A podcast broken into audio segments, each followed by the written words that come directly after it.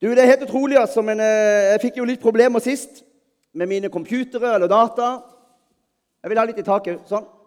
Så den, Alt svikta jo sist. Så tenkte jeg nå får jeg låne min datters også billige, men iallfall nye PC. For jeg hadde fått et budskap, jeg hadde skrevet det ned på ark sånn i, som en kladd, det jeg følte jeg skulle gi. Sto jeg opp i dag og tenkte jeg må ha det over på computer, for jeg klarer jo ikke å lese min egen håndskrift. Så var jeg godt i gang, og så blir du veldig inspirert. Så dette, Jeg hadde en del på kladden, men så begynner du å legge til litt. vet du, for det, å ja, det må du ha med, og det må du ha med. Så, så går den òg, altså. Så låser hele maskinen seg. Prøver å slå den av, den kommer aldri på igjen. Når Miriam kommer hjem, så slår han på. Da virker han. Det kan jeg love det. Så tenker jeg, Gud, hva er det, hva er det du holder på med? Men sånn er Gud. Han gjør litt som han vil med oss. Spesielt når vi går her dagen lang og sier 'Herre, kom og gjør som du vil', Herre. 'Ikke min vilje, din vilje skje'. Det dreier seg ikke om meg, det dreier seg bare om det. Ja, Da, liker, da gjør han det iallfall. Så jeg er ganske sikker på det. Så går jeg altså ned på, eh, for å finne noe ark igjen og penn igjen og tar en kopp kaffe. Så er det faktisk, og det er ikke ofte jeg hører Guds stemme, men det var ganske tydelig, så var det som om Herren sa 'Gjør det enklere'. Og Så stoppa jeg opp og så sa jeg faktisk høyt for meg sjøl, for jeg var hjemme alene, så sier jeg 'Ja, men Herre' Det går ikke an å tale enklere enn jeg allerede taler. Så venter jeg på svar, da. Og så var det som jeg hørte igjen. Gjør det enklere. Ja vel, Så da holdt jeg meg til de opprinnelige håndskrevne notater. Og så la vi ikke til så mye. Sånn er det jo med Gud. Så tenker jeg på Jesus uten sammenligning for øvrig. På all, tenk på all den kunnskap, all den visdom han hadde. Og likevel, når han møter mennesker uten masse betingelser Uten å sette det i voldsomt teologiske systemer, som vi elsker å gjøre. Uten, uten masse dogmatikk og teologi. Så kommer han som er holdt på å si, han er jo teologien sjøl. Han er opphavet for all teologi. Han har oversikt over alt. All himmelens eh, holdt på å si, hemmeligheter. Og så møter han mennesker, og så sier han bare noe så enkelt om han alt. Vil du bli frisk? Vil du bli frelst? Vil du ha å drikke? Noe, Skulle ikke vi gjøre det samme når han kan gjøre det? Så får det være med alt annet. Han var så herlig fri. Kan du ikke si amen der? Vil du bli frisk, sa han. Vet, og de andre rundt han, hva var de opptatt av? Ikke den som var syk veldig ofte, men de var jo opptatt av hvorfor er han syk. Det kan du lese i Skriften. Er det han som har synda, sa de til, Jesus, eller er det hans foreldre som har synda? Jesus avfeier det flere steder i Skriften fordi han var interessert i den som var syk. Ikke alt rundt, men det var faktisk både fariseere og disiplene og andre. Hvorfor? Alt skal i system, alt skal forstås, alt skal forklares. Det er en menneskelig svøpe, det der. Så skal vi studere, men la Gud være Gud. Gud gjør som han vil. Han var herlig fri. Han var ledet av Ånden. Jesus han stolte på Den hellige ånd. Og han visste det at om ikke jeg får sagt alt nå Den der var så i veien, altså. Jeg ser deg liksom ikke, Frode. Om ikke jeg får sagt alt nå, med en gang Vi har jo en sånn hang til det. Ja, Men tenk om ikke de forsto alt jeg sa? Ja, Tenk om de tror at ikke det dreier seg om litt lov òg? Som du begynte med. Ja, Tenk om ikke de skjønner at det dreier seg om en omvendelse. Tenk om ikke de skjønner at de kan ikke fortsette å leve som de gjorde. Sånn holder vi på. Så vi må liksom få sagt alt. Jesus var veldig avslappa. Av og til så gikk han bort, og det skal vi komme inn på, og helbreda mennesker som ikke fikk med seg i første omgang hvem han var. Tenk på det. Og de spør rundt han, 'Hvem var det som helbreda deg?' 'Jeg vet ikke.' Han kalte seg Jesus. Jeg hadde ikke noe idé om at det var Jesus, mesteren fra Masi, Messi, Messias, mesteren fra Nasaret, som hadde, som hadde helbreda dem en gang. Og han var så avslappa på det. Og jeg er ganske sikker på at de som fikk sånne møter med Jesus, uten full pakke med teologi og eh, alt som var, de ble en del av de første kristne. Tro meg. Selv de som jeg har tenkt mange ganger Men Jesus, du, du helbreda han, så bare forlot du han, liksom. Og så En gang så oppsøkte han de jo og forklarte litt mer, men ikke mye. Når, vekkelsen brøt løs på pinsedag, så var alle disse tusener de var de første Når de skjønte, å, når de skjønte sammenhengen Det er jo Jesus Kristus, Guds sønn, som helbreder meg. Så kom de. Får du tak i noe? Jeg vet ikke om jeg får tak i det sjøl, men jeg sier det iallfall. Derfor var ikke Jesus først og fremst prinsipiell. Han var ikke dogmatisk. Noen ganger så sier han til folk 'Dine syndere er tilgitt', før underet skjer. Noen ganger sier han det etter underet skjer. Og vet du hva? Noen ganger så blir folk både tilgitt og helbreda, og det har ikke vært et ord om tilgivelse. Har du sett det? Denne kvinnen som faller ned ved hans føtter og gråter på beina hans, tørker beina hans med sitt hår. Hadde gjort masse galt. De andre så på som en synder. Ja, men tenk Men du kan ikke lage teologi på det. Det nevnes ikke at hun faktisk en gang sa Å, jeg kom på det, og jeg kom på det, og jeg må tilgis for det, og jeg må tilgis for det. Jesus sa ikke til meg den gangen 'Du er tilgitt'. Men vi skjønner at bare i et sånt et vidunderlig Jesusmøte, i en handling og få være sammen med Jesus, så blir hun tilgitt all sin synd og får en ny mulighet til å begynne på nytt. Fordi han sier etterpå 'Gå derfor bort og synd ikke mer'. Men den gamle synden den ble sletta der. I et ordløst møte med Jesus. Hva er det jeg prøver å si? Jeg prøver å si Vi kan ikke lage teologi på ett vers her og ett vers der. For når han møter Sakkeus, ja, så bekjenner Sakkeus sin synd. Han sier 'jeg har stjålet', og han vil gjøre opp igjen. Og sånn er vi mennesker. Da er det så lett. Da tar vi det verset der, og så lar vi det som et kriterium. Skal du bli frelst, skal det gå sånn. Skal du vokse, skal det være sånn. For det står det der, og det står det der. Men vet du hva? Jesus han gjorde alt mulig rart. Han møtte mennesker sånn noen ganger, og sånn noen ganger. Han sa det noen ganger, og noen ganger sa han knapt noe. Så skal vi selvfølgelig ha en idé om hva som er viktig, men la oss være forsiktige med å lage så fort åndelige tanker om hvordan alt skal gå til. For ånden er ånden, og ånden virker som han vil. Han fører noen mennesker til frelse i et sånn ved en konfrontasjon. Ja, det vet jeg. Det kan han gjøre. Men da vil noen si ja, men da er det sånn ånden er, så da virker han sånn hver gang. Og hvis ikke vi får høre det sånn, så er det ikke ånden. Nei, det er tull. Jesus kunne være konfronterende ved noen øyeblikk. Og så kunne han i andre øyeblikk bare være overstrømmende. Hva lærer vi av det? Og noe før det. En grunnleggende, dyp, genuin kjærlighet til alt og alle. Når de to tingene er på plass Oi, oi, oi. Da begynner det å ligne noe. For da er ikke du en sånn en blodtrimma kristen som har lært deg som Jehovas vitner noen bibelvers og en metode som du kjører på alt og alle.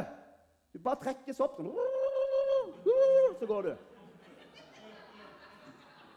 Men det er ikke løsningen. Men hvis du kan kjenne Jesus, som Elisabeth snakker om, på en sånn måte at du kan kjenne i ånden hva som er rett å gjøre til enhver tid, så begynner det å ligne noe. Nå må vi komme til det vi skal. Johannes evangelium 5,7. Å, Betesta dam, som vi pleier å si. Jeg har brukt litt tid allerede, så nå må jeg bare forte meg. Kjenner dere historien? Det var en dam som ble kalt Betesta. Derfor kaller vi han Betesta dam. Men de kalte han bare Betesta. Og det er jo, det er jo en merkelig greie. Men der ligger det altså masse syke, lamme, blinde, krøplinger, står det faktisk. Et ord vi ikke bruker så mye i dag, eh, men det står. Så ligger de der fordi en gang imellom Det er jo ufattelig, altså. Så stiger det altså ned en engel. Jeg vet ikke om han bare plutselig oppsto, eller om han kom fra himmelen. Men den kom ned og rørte opp med vannet. Har dere lest det? Så det ble bevegelse i vannet. Og da var det om å gjøre for de syke å komme seg ned i det vannet. Og uansett hvem det var, den første av de som kom ned i vannet, ble helbreda hver gang. Det er forhistorien. Så er det altså en mann her som ikke står navn på. Men han har vært syk i 38 år. Det er lenge. Det var en mann der som hadde hatt en sykdom i 38 år. Da Jesus så han ligge der og visste at han all, allerede hadde hatt det slik en lang tid, sier han til ham, 'Vil du bli frisk?' Den syke mannen svarte, 'Herre, jeg har ikke fått et menneske som kom for meg ut i dammen når vannet blir opprørt.' 'Mens jeg er på vei, går en annen uti før meg.' Jesus sier til ham, 'Reis deg, ta opp sengen din og gå.' Straks ble mannen frisk, tok opp sengen sin og gikk. Men det var sabbat. Ja, det, det er en annen historie. Det var sabbat. Det var dessverre sabbat, det likte ikke fariseerne. Men det tar vi en annen gang. Hør! Det må jo ha vært et skue. Det er ikke mye, mye du har satt deg inn i historien, men det er klart at når det stiger ned en engel med jevne mellomrom, så går ikke det uakta forbi for Jerusalems befolkning. Og vi vet jo at de hadde en tendens til å holde avstand til syke, for de ville jo ikke bli urene. Og de ville heller ikke bli smitta. Spedalske de var nok ikke der, de var på utsida av byen. Så de var det enda verre stilt med. Så du kan jo være sikker på at på andre sida av dammen, der sto det tilskuere. Altså, jeg hadde jo stått der. Og du hadde stått der. Hvem ville ikke stått der når det kommer en Herrens engel ned? Og du får se et mirakel hver gang det skjer. Så det er klart det sto folk der og observerte. Kanskje sto de sånn litt ved siden av hverandre. Og så ser de alle disse det blir bevegelse i leiren. og Teppene går av for de som, som har teppe rundt seg og ligger nede og sitter på knær, for de kan ikke gå. Og det blir litt sånn kaotisk. Teppene fyker alle veier, og folk begynner å kravle. For det måtte de. Og folk som ikke ser, begynner å føle seg fram, for ingen hjalp dem. Masse kaos for å komme ned først. Og så ble det jo litt sånn Kanskje det var spennende å se på til meg. Hvem blir frisk i dag? også? Hvem vinner løpet, liksom? Det var sånn sakte kappløp ned til den dammen. De ble observatører. Og Derfor liker Jesus bedre enn oss mennesker.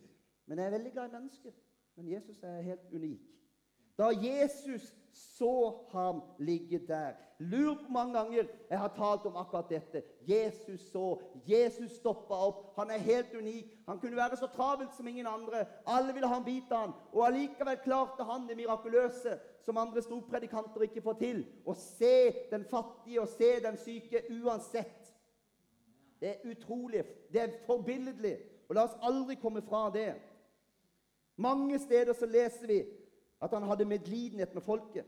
For det står òg Og visste at han allerede hadde hatt det slik en lang tid. Tenk på det. Det er ikke en uviktig tilleggsopplysning. For det er en opplysning som sier noe om hjertet til Jesus. Han fikk hjerte for mannen. Han visste han hadde kanskje ligget der i 38 år. Tenke seg til. Og så gjør han noe annet enn de andre. Han ser ikke bare på avstand. Han oppsøker, han tar kontakt. Og så sier han, 'Vil du bli frisk?' Hva gjør mannen? Husker dere det? Vil du bli frisk? Det er et enkelt spørsmål. Tenk når du har vært syk i 38 år. Tenk når du har gang på gang gått på nederlag fordi at andre der, selv om de er syke, så er de litt friskere enn det. Så de når fram til dammen. Og så får du spørsmålet vil du bli frisk. Men du vet, han skjønte ikke at det var Jesus. Kanskje øynene håp, for han tenkte at ja, her er det kanskje en som kan hjelpe meg. Kanskje hadde han ikke blitt prata til på år. Utover, utover, når folk sa 'flytte' eller lignende. Kanskje hadde ingen sett ham i øynene på år og dag, utenom når de kniva om å komme ned til vannet. Det var et hardt miljø å leve i det.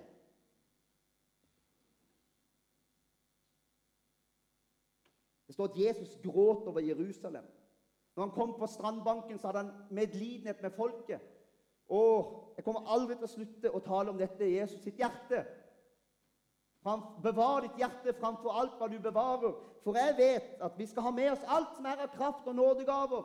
Og kommer aldri til å slippe det. Vi skal være karismatiske. Men forlater vi dette, så står vi igjen med ingenting. Og det sier også Skriften. For uten kjærlighet så er det som klingende malm. Vi hørte en som heter Wagner. Wagner, antagelig, i Stavanger. Og Det var rett før Toronto eller nei, Toronto eller Pensacola. Husker ikke hvem det var. Husker du? Før det brøt ut, så var han i en klassisk pinsemenighet. Og de var sånn som jeg liker å be. De proklamerte, og de vandra, og de inntok, og de ropte, og de talte i tunger, og de profeterte om vekkelse. Og sånn holdt de på lenge. Så svarer Gud, midt i alle ropene Nei, Og Så blir han forundra, så sier han, 'Hallo, det er vi som ber her.' 'Det er vi som, som står på for det her.' Så sier Herren, 'Nei, for du har ikke hjerte for folket.' Og det grep meg, altså. Han sa det. Så kom vekkelsen. Den kjenner vi til. I rikt monn. Og jeg tror at de bøndene har vært med, men det var ikke de som fikk høste. For de mangla hjerte for folk. Og Herren talte det til predikanten. Du mangler hjerte for folket. Det forteller meg. De hadde antagelig mer hjerte for De hadde hjerte for alt mulig. De hadde hjerte for vekkelse. De hadde hjerte for liv og røre. Kanskje de hadde litt hjerte for å forstå midt i smøret. Ja, liv og røre. Hvem vet? Hvem vet? Kan være. Det er sannelig litt av et, eh, et ansvar for å forkynne Guds ord. For du skal bevare ditt hjerte. Hva gjør denne mannen? Han begynner Istedenfor å si ja, jeg vil bli frisk, så begynner han å forklare sin situasjon og sin problemstilling. Ja, nå har det seg sånn at jeg prøver og sånn, men det kommer alltid noen før meg. Hør! Jesus han er mesterlig. Han hører faktisk på mannen. Han vet at mannen svarer jo ikke på det som jeg spør om. Han gjør som vi mennesker alltid gjør. Vi begynner å komme opp med alt mulig rundt oss, og hvorfor tingene er som de er. Men det er ikke det Jesus spør om. Men han hører. Syns det er viktig å få med seg. Han avbryter han ikke fordi han er en god lytter, fordi han har respekt for hvert enkelt menneske. Men det er ikke det han spør om. Han spør jo ikke 'Hvorfor er ikke du blitt helbreda?' Det er ikke det han spør om. Men det er det mannen svarer på. Og Derfor har jeg aldri noen gang, og kommer aldri noen gang fra denne plattformen eller i noen av deres liv si 'Hvorfor har ikke du kommet lenger i ditt kristne liv?' Jeg kommer aldri til å si det. Ikke på den måten. Men jeg vil gjerne være med og oppjage og ta med og utvikle. Men jeg kommer aldri til å si det på den måten. Jeg møter aldri en Jesus som gjorde det. For han var hva da? En giver. Halleluja. Ikke en anklager. Ingen tar mitt liv, jeg gir det frivillig. Johannes 10, 18. Jeg gir dem evig liv. Min fred gir jeg dere. Og Gud er òg eh, velvillig, står det. Gud gir Ånden i fullt mål. For at, noen, for at noe skal gis, må noe tas imot. Og Gud sier det samme til oss daglig. Gjennom sitt ord, gjennom sine løfter. Så sier han akkurat det samme. Hva vil du? Hva kan jeg gjøre for det? Det fins ikke en ting her. Det fins ikke noe i ditt liv som ikke er dekket av dette. Hva kan jeg gjøre for det? Og så mange ganger jeg må ta meg i det sjøl så begynner våre oppramsinger av vår situasjon. Jeg tror det er greit å gjøre. Nei, men 'Jeg hadde så dårlig oppvekst, så det ble ikke noe sånn.' Og det ble ikke sånn. Ja, men jeg har gjort sånn, og jeg har gjort sånn, så derfor, Gud, ble det ikke sånn som du ville. Ja, men jeg har gått på en smell. Ja, men jeg har gitt meg til menigheten og brent meg på det før. Det er ikke det Jesus spør om. Det er ikke det han spør om. Han spør Han vet jo alt kjære venner. Han vet jo alt. Det han spør om, hva kan jeg gjøre for det her og nå? Midt med alt du har opplevd, midt, din, midt i alle dine nederlag, midt i din historie, hva kan jeg gjøre for det her og nå? Henger du med? Så skal vi lytte på hverandre. Og akkurat som Jesus lytta på mannen. Han lot ham få dele sine utfordringer. Det tror jeg på. La oss lytte til hverandre. La oss få lov å dele våre utfordringer. Men hjelpe hverandre og ikke strande der. Men hjelpe hverandre å høre på hva han sier midt i det vanskelige. For han har mer å gi. Du vet, Denne mannen her, han fikk mer enn han, eh, han, fikk mer enn han forventa. Vet du hva? Han slapp å slite og krabbe og svette for å komme ned i dammen. Nei, han ble ufortjent, holdt jeg på å si, bare av nåde, uten egeninnsats, helbreda der og da. På et enkelt Jesus-ord. Det forventer han ikke. Du vet, Det er så mange der ute som lengter og venter etter noe guddommelig i deres liv. Som er trøtt av å leve for det overfladiske, trøtt av å leve for seg sjøl. De lengter etter noe større å leve for. Men de kommer liksom ikke ned i dammen. Og ikke skal de ned i dammen heller. De skal til Jesus. Men hva er dammen? Hva, hva, rep, rep, hva symboliserer det? Da skifter vi ordet, bare. Jeg har ikke et menneske som kan få meg ut i dammen. Dammen, det er jo selvstrevet, det. Det er den sterkestes vei. Det var bare én av de som klarte det hver gang. Det er jo fortjenestens vei. Den som var god nok, den som var sterk nok. Han slapp å gå ut i dammen. Han fikk stå der, så svak som han var. Og så ble han helbreda. Helt sikkert frelst etter hvert. Det var nok med det ene mennesket Jesus som stoppa opp, som tok del i et menneskes liv. Tenk på de som sto og så på. Forunderlig, altså. At ingen tenkte ja, nå må jeg gå og hjelpe noen av dem. Men det ble jo liksom galt uansett. For det var det andre som ikke fikk muligheten.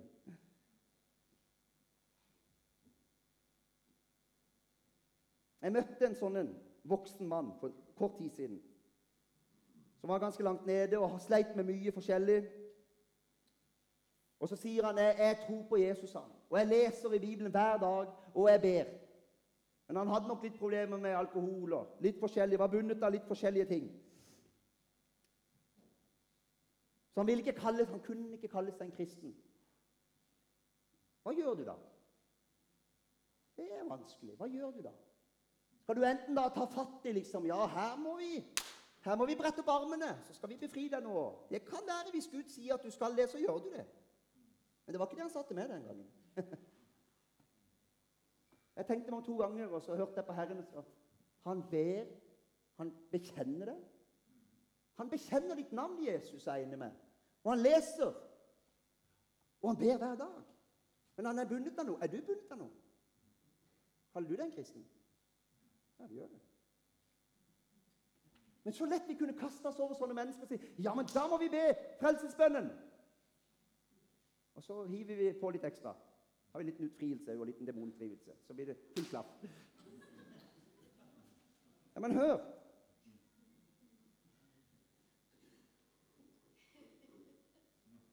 Jeg leste, eller siterte, Romerne 10 for ham. Vet dere hva som står der? For dersom du bekjenner Herren Jesus med din munn og tror i ditt hjerte at Gud har oppreist ham fra de døde, skal du bli Ja, tror vi på ordet, eller tror vi ikke på ordet?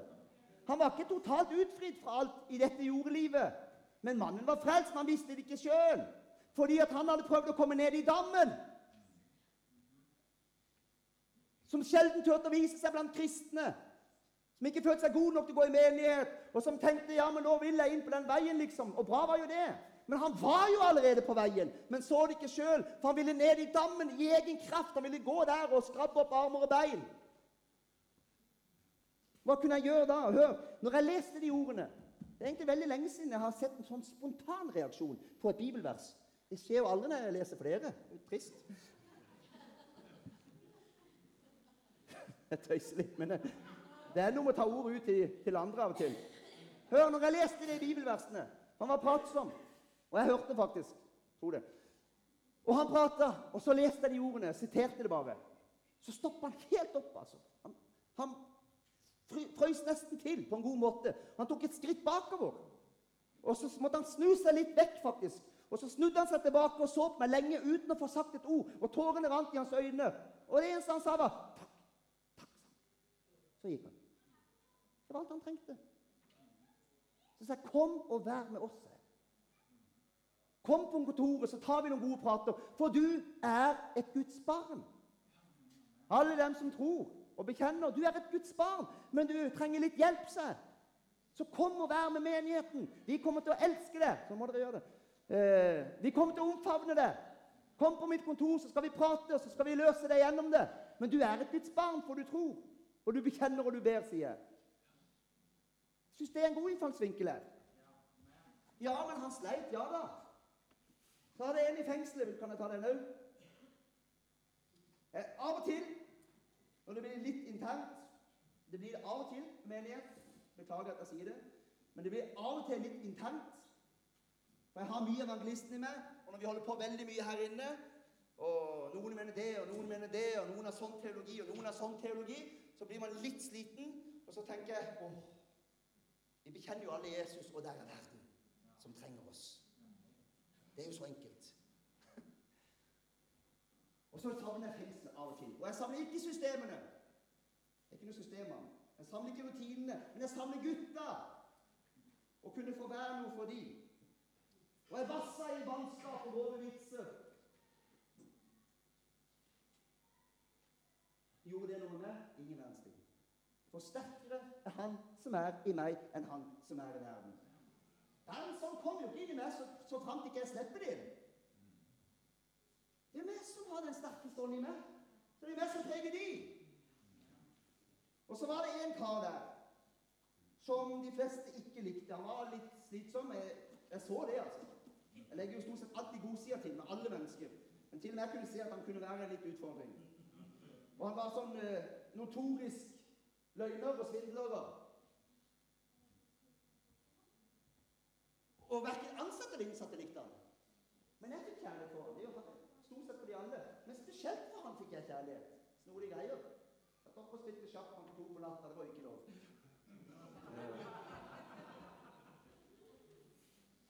Og han, vet du hva?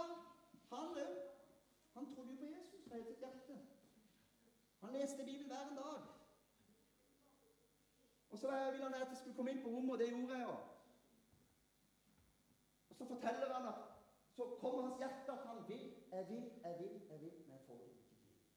Men jeg tror på hele hjerte, og jeg leser hver dag, og jeg vet at Gud finnes. og Jeg vet han har kommet for oss å frelse meg, men jeg får det ikke til. Så kommer tårene.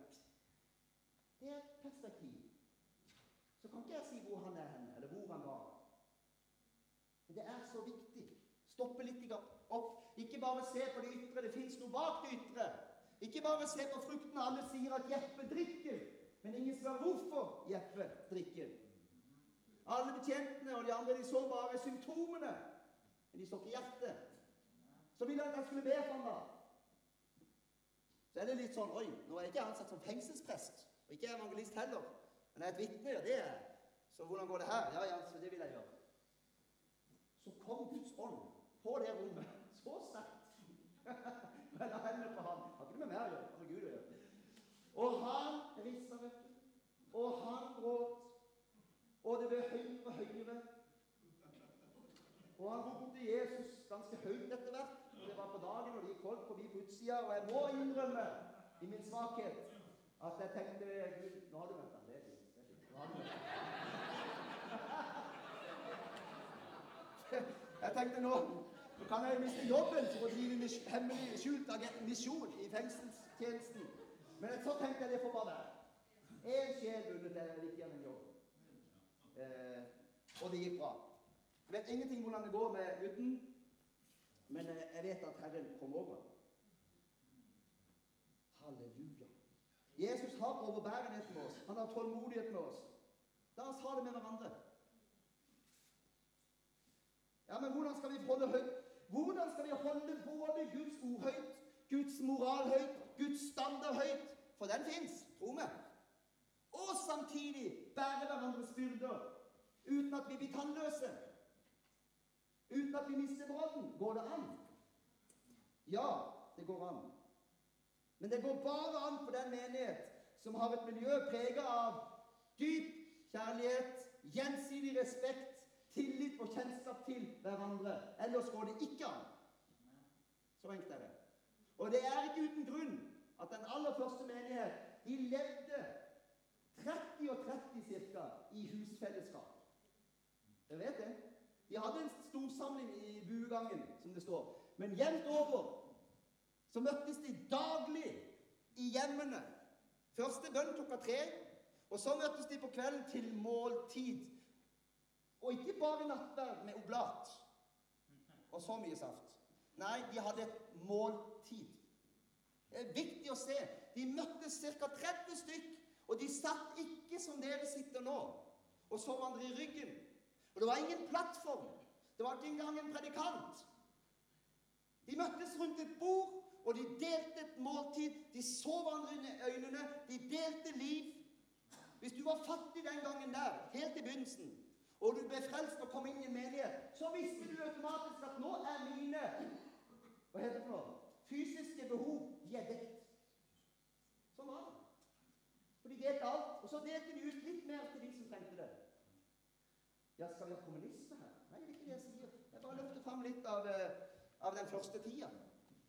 Det var så verdifullt.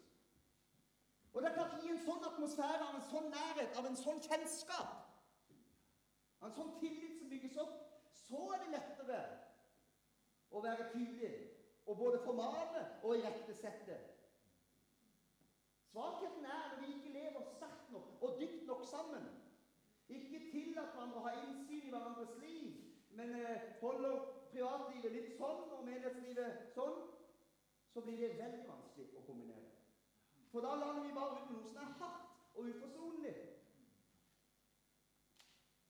Henger du med der? Derfor tror vi så inderlig på cellegrupper i menigheten her. Det er, det er alfa og omega.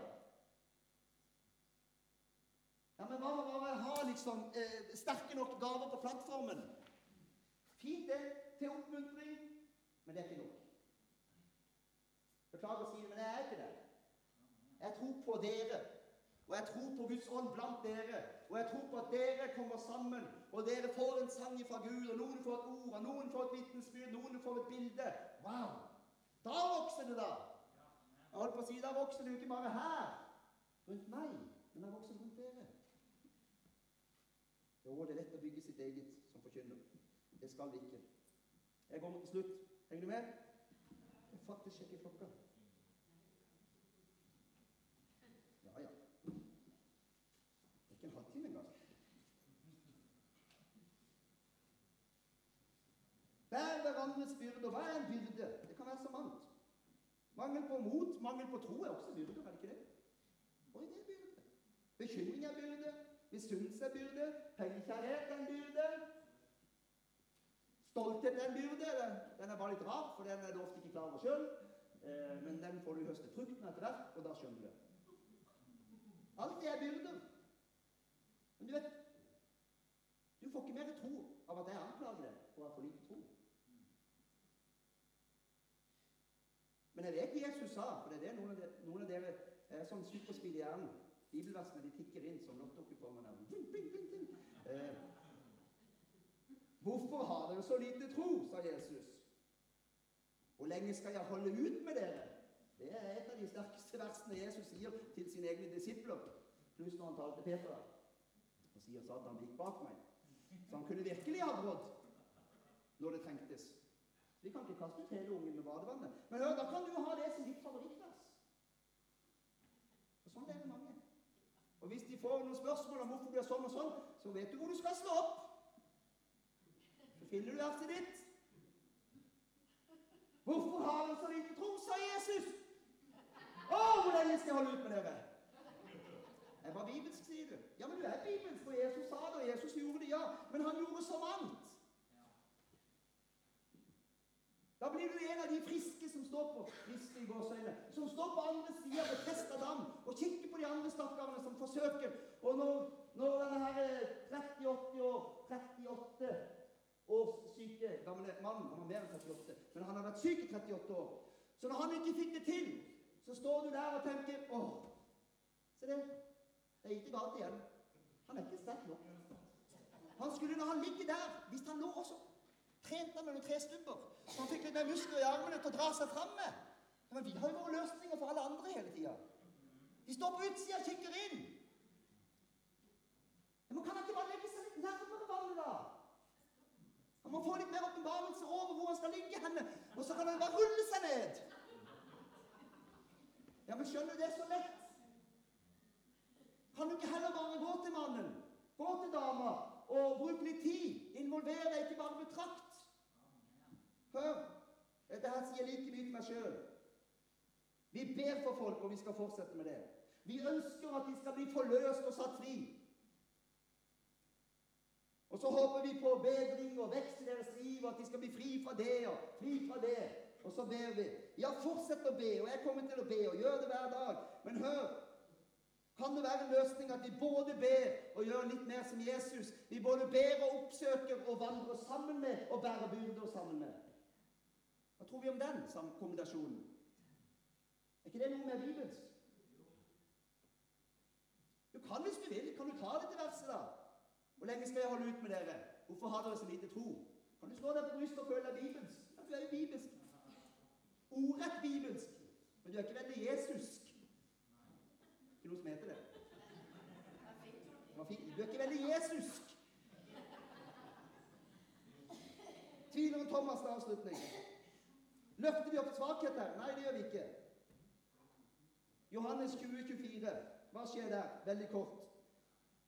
Thomas er så uheldig at han er bortreist, eller er på noe annet, når Jesus kommer igjen og møter disiplene. De som har så mørkt på alt og trodde at nå var alt over, kasta bort tre år. Og så får de møte ham. Hvilket øyeblikk. Og det er klart, De er så begeistra seg imellom. Og når han kommer og gått glipp av det her, så går han rett i kjelleren. Og det er jo utrolig standhaftig holdning han har. Om ikke jeg får se de naglemerkede hender, så kan jeg ikke tro. Altså, jeg nekter, sier han. Det er utrolig sånn rett ut sagt. De aller fleste av oss hadde jo liksom holdt litt igjen. Men hør, det går åtte dager det her tenkte jeg på. Kanskje det her òg, faktisk. Det går åtte dager før Jesus plutselig står blant dem. Så tenker jeg, hva skjedde mellom de åtte? Hva hadde vi gjort? Hvis vi hadde møtt den oppstandende, og så hadde vi en som hadde vandra med oss i tre år og sett tegn og under og mirakler, og nå vil han plutselig ikke tro fordi han ikke får se. Og fristende vil det ikke være for mange av oss å si ja, men da må vi ha et lite styremøte uten Thomas. Og så må vi vurdere om vi kan ha med oss Thomas, for vi skal vinne verden. Og vi kan da ikke vinne verden med folk som, som er sånn. Det vil vi. Mange ville gjort det. Gjorde disiplene det? Nei, han var jo der etter åtte dager. Tror du ikke de hadde prøvd å overbevise han? Dag én og dag to og dag, til dag åtte. Men han ville Så kunne jo Jesus kommet der og sagt Nå har disiplene prøvd å overbevise åtte dager, og ennå vil ikke tro. Vet du hva, Han kommer inn. Han hilser alle sammen først. Fred være med dere. Men merk dere, han henvender seg ikke først til de sterke. De som hadde møtt ham, og de som hadde stått ved, og de som hadde forhåpninger. Nei, han henvender seg umiddelbart direkte til Thomas. Mens de andre står og venter på sin tur. De sterke. Så det sterke. Han går rett til Thomas, og så sier han sånn og sånn. Og vet du hva han attpåtil gjør? Hva er det dette har vært? Thomas hadde egentlig en ubibelsk holdning. For Jesus på hans side sjøl sa det Salig er de som tror uten å se. Vær øh, Vær ikke vantro med troende, sier han til. Sier han etterpå.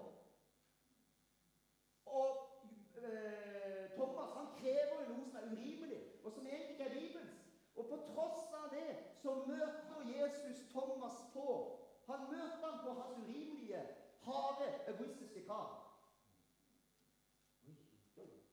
Skal vi lage en modell av det? Nei, langt derifra. Jeg bare sier det. Det er mange ord. Hva det er nå? Igjen raushet, nåde. Han møter folk helt forskjellig. Kommer en en rik mann bort og vil være en del av det her. Og Da gir han det merkverdige svaret. Selg alt det du eier, kom så følg meg. Sant gjør han, men mister han han. Hvorfor gjør han sånt? Fordi han kjenner hjertet. Han kjenner hjertet. Han visste at den rike mannen antagelig ikke ville få noen reell omvendelse. Han ville bare være med. Kanskje tjene pengene på noe, eller Motivene var ikke rett. Og Jesus velger akkurat riktig metode for å vise at motivet ikke var rett. Mens han leste antagelig det innerste i, i Thomas. Og møtte han, egentlig på urimelig grunn, men han møtte han. Det er nåde over nåde. Der kan du si amen. Så det er håp for deg òg. Og jeg syns du klarer deg godt, Elisabeth. Jeg syns du klarer deg godt. Og det er håp for meg. Og det er håp for oss alle. Hør, vi skal ha brodd i evangeliet. Jeg hører av og til noen si vi har ikke brodd i evangeliet. Korset er ikke det brodd nok? Er ikke nåden brodd nok? Er ikke kjærligheten brodd nok? Kompromissløs kjærlighet. Ja, Men hvor er omvendelsen? Omvendelsen, den kommer. Hvor er syndenøden? Å, den kommer i et miljø av kjærlighet. Den kommer i et miljø av tilbedelse. Ja, hvor er formaningen? Den skal være her. Og tro meg den bruker vi når vi må. Kunne sikkert gjort det mer, men av og til må vi, og av og til gjør vi. Har vi trygghet. Kom, lovsangere. Nå synger vi. Tilber Herren. Takker Han for Hans nåde. Og så kommer du fram hvis du vil. Hvis du trenger forbønn for hva det måtte være. For det er veldig flott å be for og med hverandre. Hvis dere som sitter i salen, kjenner at 'Å, jeg skulle lagt hendene på og bedt for den', så er det Herren som taler. Hvis det er Gud, så er jeg ganske sikker på at det går bra. Ja, Det var jo litt skummelt sagt. Det er antagelig Gud. Så du kan handle på det. Skal vi reise oss opp? Så fikk du mye allikevel i dag. Men la oss bruke noen minutter og ransake våre hjerter. Være sammen med Herren. Og hvis du kjenner at du er her, at du trenger faktisk å overgi det hele ditt liv Du er litt usikker på hvor, hvor du står henne. Han kjenner det. Det er nåde å få. Så kan du komme frem. Er du syk, kan du komme frem. Og da trenger jeg ikke komme frem for min del. Jeg er mer enn nok trygg om ingen kommer frem. For jeg har sagt det jeg skal si. ikke så vanskelig.